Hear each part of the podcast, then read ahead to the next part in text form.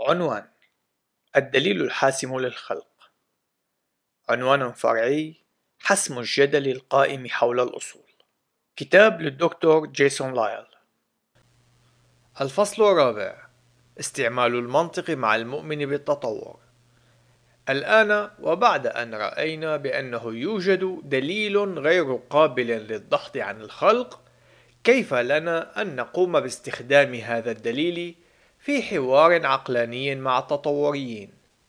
لقد سبق ودرسنا ثلاثة من الأمثلة عن الدليل الحاسم وكل منها يتناول أحد جوانب المعرفة. فالأشخاص عاجزون عن معرفة أي شيء يختص بالعلوم أو العقلانية أو الأخلاق دون الاعتماد على المبادئ المسيحية. وفي سبيل أن يكون لأي انتقاد للمسيحية أي معنى لابد أن يقوم التطوري وبشكل سري بافتراض يفيد بأن الخلق التوراتي هو حقيقي. لهذا السبب فإن الدليل الحاسم للخلق التوراتي إن تم استخدامه بطريقة سليمة سيكون قادرا على تحويل أي جدل غير شرعي ضد الخلق إلى جدل شرعي للدفاع عن الخلق. وللقيام بذلك بشكل جيد سيكون من المفيد أن نفهم طريقة تفكير غير المؤمنين وكيفية اختلاف أسلوب تفكيرهم عن أسلوب تفكير المسيحي الملتزم.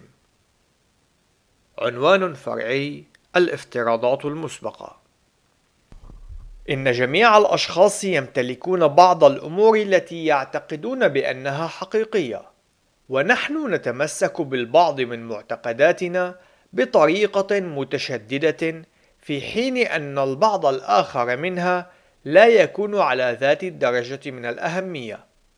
وكمثال عن المعتقدات التي لا نتمسك بها بتشدد كنت أعتقد مسبقا بأن كوكب المريخ يمتلك اثنان فقط من الأقمار إلا أنه في حال قام شخص ما بالتصريح بأنه قد اكتشف قمرا ثالثا وإن قدم دلائل مقنعة سأقوم بتغيير اعتقادي ليتوافق مع الاكتشافات الجديدة. لكن من جانب آخر أنا أمتلك اعتقادا قويا ومتشددا بصحة قانون عدم التناقض.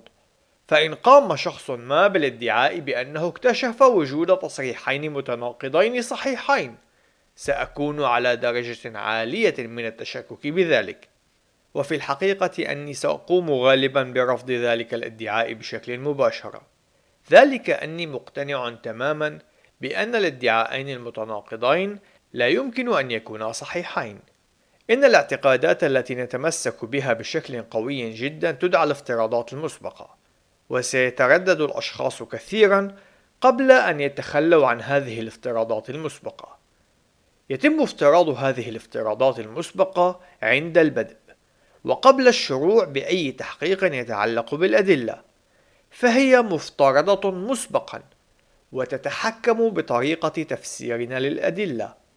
وفي كثير من الأحيان لا نكون واعين لافتراضاتنا المسبقة إلا أنها موجودة وبشكل دائم وبالطريقة عينها التي نتنفس بها بشكل دائم دون أن نتوقف للتفكير في التنفس كذلك يكون الحال بالنسبة لافتراضاتنا المسبقة التي تقود تحليلنا وفهمنا للاختبارات التي نعيشها.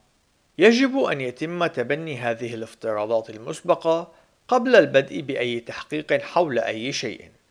على سبيل المثال، نجد أن قوانين المنطق هي أمر مفترض مسبقا، ويتوجب علي أن أقوم بتبنيها بشكل مسلم به قبل أن أكون قادرا على التفكير بشكل منطقي.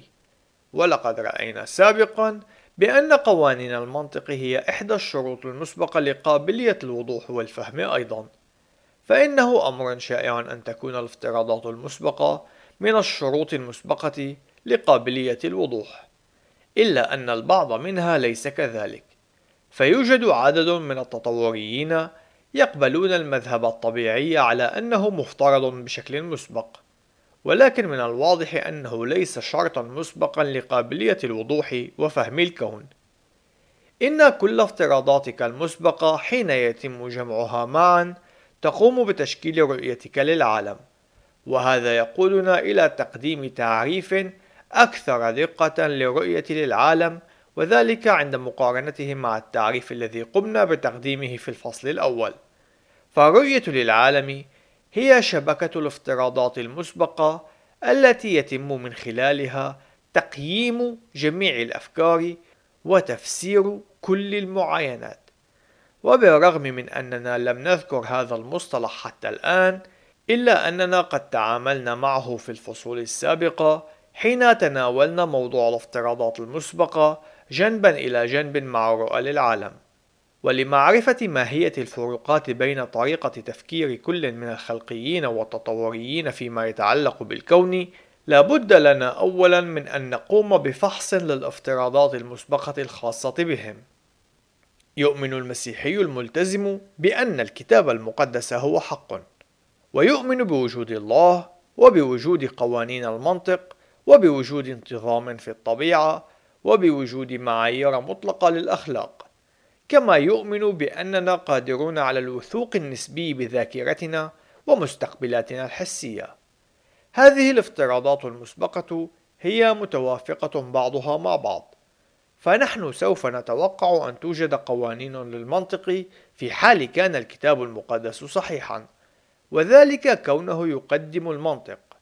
لكن هذان الأمران هما افتراضات مسبقة يجب أن نقبل بها قبل بدء التحقيق. فإنه بالرغم من عدم إمكانية تبرير المنطق بمعزل عن وجود الإله الذي يقدمه الكتاب المقدس إلا أننا نحتاج أن نعتمد على المنطق حتى نكون قادرين على قراءة الكتاب المقدس. إن قوانين المنطق والكتاب المقدس قابلين للإثبات. إلا أنه يجب أن يتم افتراضهما قبل أن يكون من الممكن إثباتهما أي أنهما افتراضات مسبقة. وتقوم الافتراضات المسبقة للمسيحي بتشكيل رؤية للعالم تتمتع بالاتساق العقلاني وتجعل من المعرفة أمرا ممكنا. التطوريون يمتلكون بدورهم افتراضاتهم المسبقة أيضا والعديد منهم يؤمن بالبعض من التالي. لا علاقة للكتاب المقدس بالعلم أو بالمذهب التجريبي أي أن كل المعرفة تحصل من خلال التجربة أو بالمذهب الطبيعي أي أنه لا يوجد أي شيء على الطبيعة أو بأنه يمكن أن يتم تفسير الأدلة بشكل حيادي أو أن التفكير المنطقي البشري قادر وبدون أي مساعدة على تحديد الحقيقة. كما أن البعض من التطوريين يقبلون التطور على أنه افتراض مسبق أي أنه حقيقة غير قابلة للشك والتي من خلالها يجب أن يتم تفسير الأدلة. إلا أن الافتراضات المسبقة التطورية لا تقوم بتشكيل رؤية متسقة للعالم بحيث يكون الحصول على المعرفة أمرا ممكنا من خلالها. وفي عدد كبير من الحالات نجد أن التفكير العلماني يكون ذاتي النقد وذلك كما أظهرنا في الفصل الثاني. وفي جميع الأحوال فإنها تفشل في تأمين الشروط المسبقة لقابلية الوضوح. فإنه في حال كان التطور صحيحا سوف لن يكون من الممكن القيام بالتفكير المنطقي أو البحث العلمي. فإنه لا يوجد أي أساس للمنطق أو انتظام الطبيعة. فلو أن التطوريين كانوا ثابتين على استخدام رؤيتهم للعالم لما كان من الممكن لهم أن يستعملوا المنطق أو يقوموا بالبحث العلمي إلا أنهم قادرون على استخدام المنطق وإجراء البحث العلمي نتيجة لعدم اعتمادهم بشكل متسق على رؤيتهم للعالم حيث أنهم يعتمدون على الافتراضات المسبقة للخلقيين فكيف لنا أن نفسر عدم الاتساق هذا؟